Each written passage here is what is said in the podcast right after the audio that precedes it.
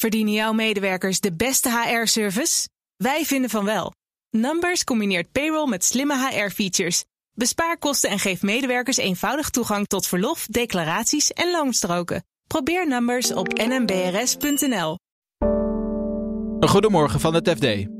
Ik ben Roger Cohen en het is vrijdag 2 juni.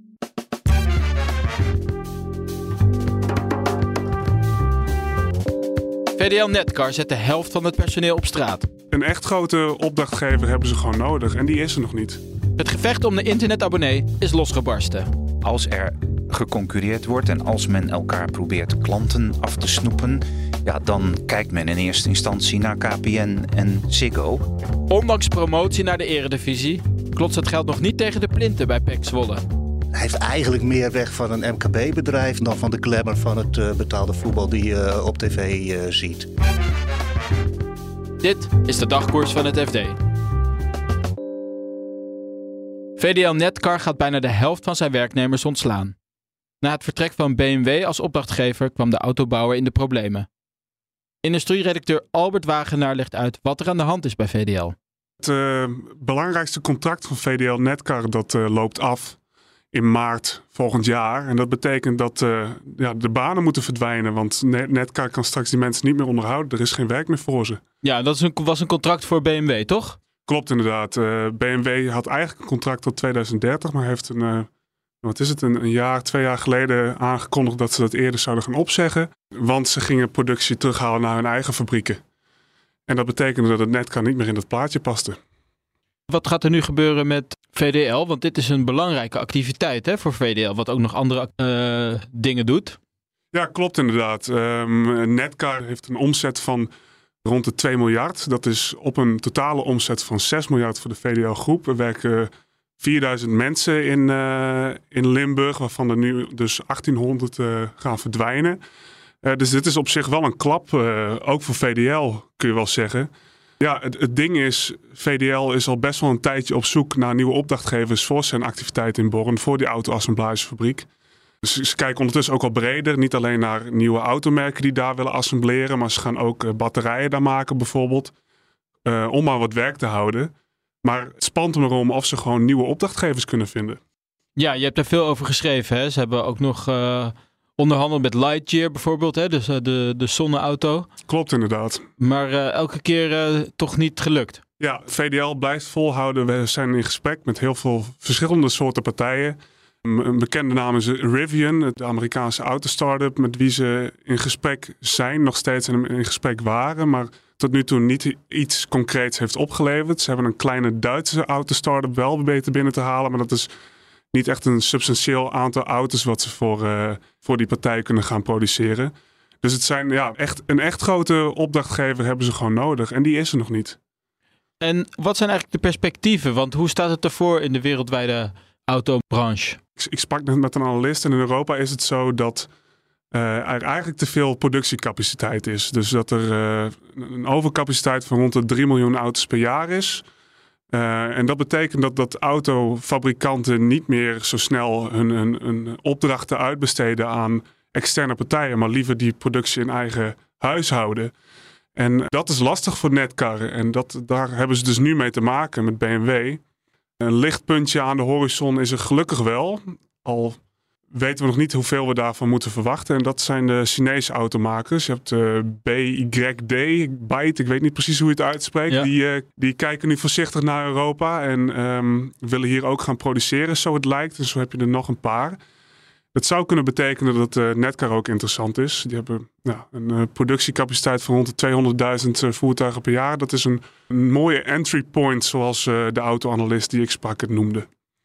En uh, hoe is de sfeer nu in Born? Want er zijn al stakingen geweest. Er worden ook stakingen aangekondigd, als ik het goed begrijp. Klopt, het, het rommelt al best wel een tijdje in Limburg vanwege het aflopende contract. Wat de vakbonden en de werknemers willen is dat er een beter sociaal plan komt. Nou, dat houdt dus eigenlijk in dat er een, een, een goede afvloeingsregeling komt voor als ze ontslagen worden.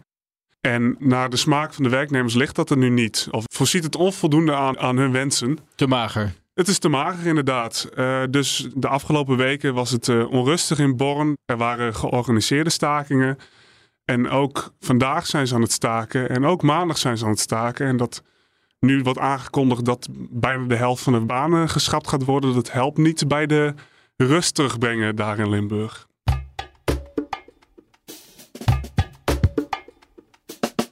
De concurrentie op de internetmarkt woedt flink. Aanbieders als KPN, Vodafone Ziggo en T-Mobile smijten met promoties om elkaars klanten te kapen. Redacteur Technologie en Innovatie Jeroen Piersma vertelt wat er precies aan de hand is op die markt. Nou, daar ehm, wordt al een tijdje ehm, in hoog tempo uh, door, een, door verschillende aanbieders glasvezel aangelegd. Um, dat concurreert allemaal met elkaar. en dat betekent dat de internetaanbieders ja, toch pogingen doen om uh, klanten van elkaar af te snoepen. Nou is die internetmarkt anders dan de mobiele markt uh, niet een markt waar heel hard geconcurreerd wordt van oudsher. Hebt de mobiele markt. Mobiele markt heb je dus jarenlang een soort prijzenslag gehad. Zijn de internet of de mobiele abonnementen met tientallen euro's naar beneden gegaan. Dat is op de internetmarkt nooit gebeurd. Dat is altijd alleen maar jaar op jaar is de prijs verhoogd. Eh, er wordt ook wel getwijfeld over of die markt nou wel zo concurrerend is. Maar goed, op dit moment is dat door dat snel op de markt komen van een heleboel glasvezel, is dat toch even iets anders. En hoe ziet die uh, concurrentie er dan uit als het niet zozeer om prijs gaat? Het uitzicht vooral in uh, de kortingen die ze geven richting uh, nieuwe klanten. ze proberen klanten van elkaar af te snoepen, daar komt het toch eigenlijk op neer. En dat betekent dat um, ja, die, die, die kortingen de afgelopen jaren zijn opgelopen. Ik heb van het adviesbureau Simon Koeger heb ik een overzicht gekregen. En dan zie je dat tussen 2021 en nu in de meeste gevallen, dus bij de grote aanbieders, um, de kortingen ongeveer verdubbeld zijn. En ja, dan moet je denken aan um, in 2021 uh, kreeg je 90 euro korting als je een abonnement nam bij KPN. Inmiddels is dat 206 euro.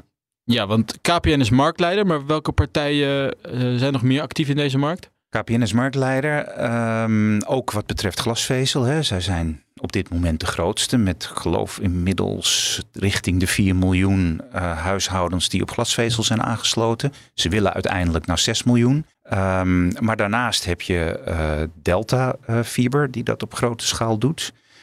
Je hebt Open Dutch Fiber. Dat is een club die eigendom is van twee grote investeringsmaatschappijen. Die legt glasvezel aan en die doet een open glasvezelnet waarop andere aanbieders ook terecht kunnen. Um, ja, en dan zijn er nog wat kleinere. Um, en ik moet natuurlijk ook nog zeggen, T-Mobile is een partij die zelf niet glasvezel aanlegt en bezit, maar wel gebruik maakt van het net van KPN en het net van Open Dutch Fiber. Dus die is ook een belangrijke concurrent op die markt. En staat KPN als marktleider nou het meest onder druk? He, zo, ik begreep ook dat zij gisteren hun prijzen, nieuwe prijzen bekend hebben gemaakt. Ja, klopt. Zij staan onder druk, maar hetzelfde geldt voor Ziggo. Um, zij zijn samen de uh, zeg maar twee grote partijen in de markt die ongeveer 80% van de hele markt uh, uh, hebben. Dus als er geconcurreerd wordt en als men elkaar probeert klanten af te snoepen, ja, dan kijkt men in eerste instantie naar KPN en Ziggo. Zowel KPN als Ziggo hebben gewoon de afgelopen kwartalen, en bij Ziggo is dat zelfs al wat langer, hebben ze klanten verloren waar gaat, het, gaat dit nou naartoe? Hè? Want oké, die, die prijs blijft ongeveer gelijk, maar ze geven dan wel die promotiekorting. Gaat het nog jaren zo door? Wat uh, is jouw inschatting? Nou, dit kan niet zo jaren uh, doorgaan. er zijn denk ik toch iets te veel uh, partijen die glasvezel aanleggen uh, en, en, en in, in de markt aanbieden. Dus de verwachting is wel dat er op den duur een soort consolidatie gaat plaatsvinden. Partijen met elkaar samengaan, partijen worden overgenomen. er wordt vaak naar KPN gekeken door partijen die op kleine schaal glasvezel aanleggen. Van op den duur nemen ze ons misschien over. En wat je verder natuurlijk mag verwachten als die consolidatie eenmaal heeft plaatsgevonden, um, uh, ja, dat het een interessant uh, verdienmodel gaat worden. Want op een bepaald moment is men klaar met investeren. Dan hoeven er dus niet meer die hoge bedragen in die er nu in gaan. dan ligt er overal glasvezel. Dan ligt er overal glasvezel. Dan, als het goed is, hebben een aantal partijen een flinke hoeveelheid klanten. Ja, en die klanten kun je op glasvezel duurdere abonnementen verkopen. En je kunt combinaties maken van een internetabonnement en een mobiel abonnement. Ja, dat betekent dat daar op den duur een uh, mooie kaststroom uit uh, voort kan komen. PEC Zwolle keert komend seizoen na een jaar afwezigheid terug in de eredivisie. Maar ondanks de promotie blijft zuinigheid het devies. MKB-redacteur Frits Konijn vertelt wat er nu met de financiën van de club gaat gebeuren. Nou, in eerste instantie dat de begroting omhoog uh, gaat. Die uh, gaat van zo'n 10 miljoen naar zo'n 15 miljoen uh, euro. En natuurlijk dat er nieuwe spelers gezocht moeten worden. ze zijn ook bezig met de accommodatie, de faciliteiten. Nou, het is een behoorlijke verbouwing die zo'n club moet ondergaan dan. En hoe was de sfeer daar? Waren ze er blij mee of uh, opgetogen? Uiteraard zijn ze blij met een promotie. Ik bedoel, welke club wil niet graag op het hoogste niveau spelen? Dus ja, daar waren ze blij mee. Um, ja, en, ik, ik had ook wel uh, het gevoel dat uh, ja, nu het bestendig uh, bestaan in de eredivisie tegemoet te gaan natuurlijk. Zoals elke club die promoveert. Ja, want zo'n promotie, betekent dat nou ook dat financieel gezien de zilvervloot binnenvaart? tot mijn grote verrassing eigenlijk niet. Wat, wat mij heel erg opvalt is dat het heeft eigenlijk meer weg van een MKB-bedrijf dan van, een, uh, dan, dan van de glamour van het uh, betaalde voetbal die je op tv uh, ziet. Waar merkt u dat aan? Nou, de kleinschaligheid van de bedrijven, de kleinschaligheid van de organisatie. Um, ik bedoel, er werken in totaal, inclusief de selectie, niet meer dan zo'n 50 mensen. Als je ziet hoe ze het kantoor moeten delen, zitten met z'n acht op een tamelijk klein kamertje. Ja, dat, dat, dat soort, ja, toch wat, wat kneuterigere dingen. En wat doen ze eigenlijk nog meer om zich voor te bereiden op dat bestaan in die eredivisie? Nou, in ieder geval de faciliteiten uitbreiden. Ik bedoel, ze hebben nu niet eens een eigen trainingsveld. Uh, Zo'n twee jaar geleden hebben ze het. Uh, dat vond ik ook wel een verrassing. Ze hebben ze het kunstgras in het stadion vervangen door echt gras. Waarom? Omdat dat uh, steeds meer de eis wordt of steeds meer het verlangen wordt bij voetbalclubs. Weet je, op ja, echt gras ga je beter te kunnen voetballen dan op kunstgras. Maar dat heeft als negatieve keerzijde dat je niet zo vaak meer kan oefenen in het stadion omdat de kunstgras, daar kun je natuurlijk eindeloos op spelen zonder dat er kale plekken ontstaan. Op uh, echtgras is dat niet het geval. En dat is tamelijk lastig. Bij Volendam heb je dat bijvoorbeeld ook. Dus ze kunnen daar niet uitbreiden omdat ze midden in het dorp liggen. En als ze daar dus echt gras zouden gaan neerleggen, dan hebben ze gewoon meer trainingsvelden nodig. Nou, zo'n situatie is er ook in Zwolle. Dus ze moeten overal uh, velden huren en een beetje ja, in een dorp in de omgeving trainen ze dan in het begin van het seizoen. Daarna gaan ze over naar de buurclub, eh, een amateurclub, Bikwik 28, om daar uh, te trainen. En dan staan ze feitelijk midden tussen de scholieren eh, te trainen. Ja, die ja, daar ja. hun gymlessen hebben. En de inkomsten wilden ze ook omhoog krijgen, toch? Ja, dus de kaartjes worden iets duurder. Maar ja, dat is niet veel meer dan een inflatiecorrectie. Ja, die kunnen ze natuurlijk wel toepassen, want ze voetballen een niveautje hoger. Dus daar kan ook wat meer voor betaald worden. En ze hebben een nieuwe sponsor. Uh, waar ze vroeger met uh, een lokale bouwbedrijf, of een installatiebedrijf moet ik zeggen, deden.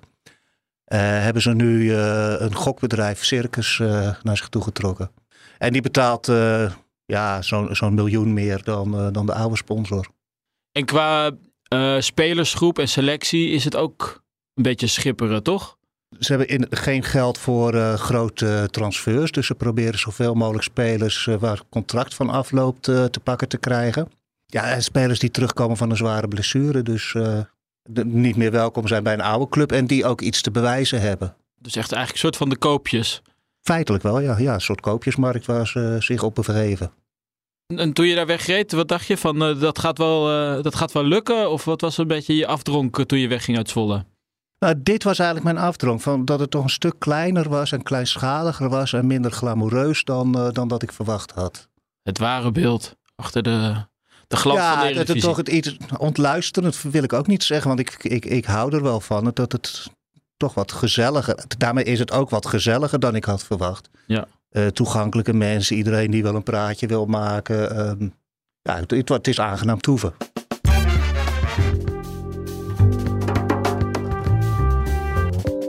Dit was de dagkoers van het FD. Maandag zijn we er weer met een nieuwe aflevering. En ondertussen lees je al het financieel-economische nieuws in onze app. Voor nu, een hele fijne dag en graag tot maandag.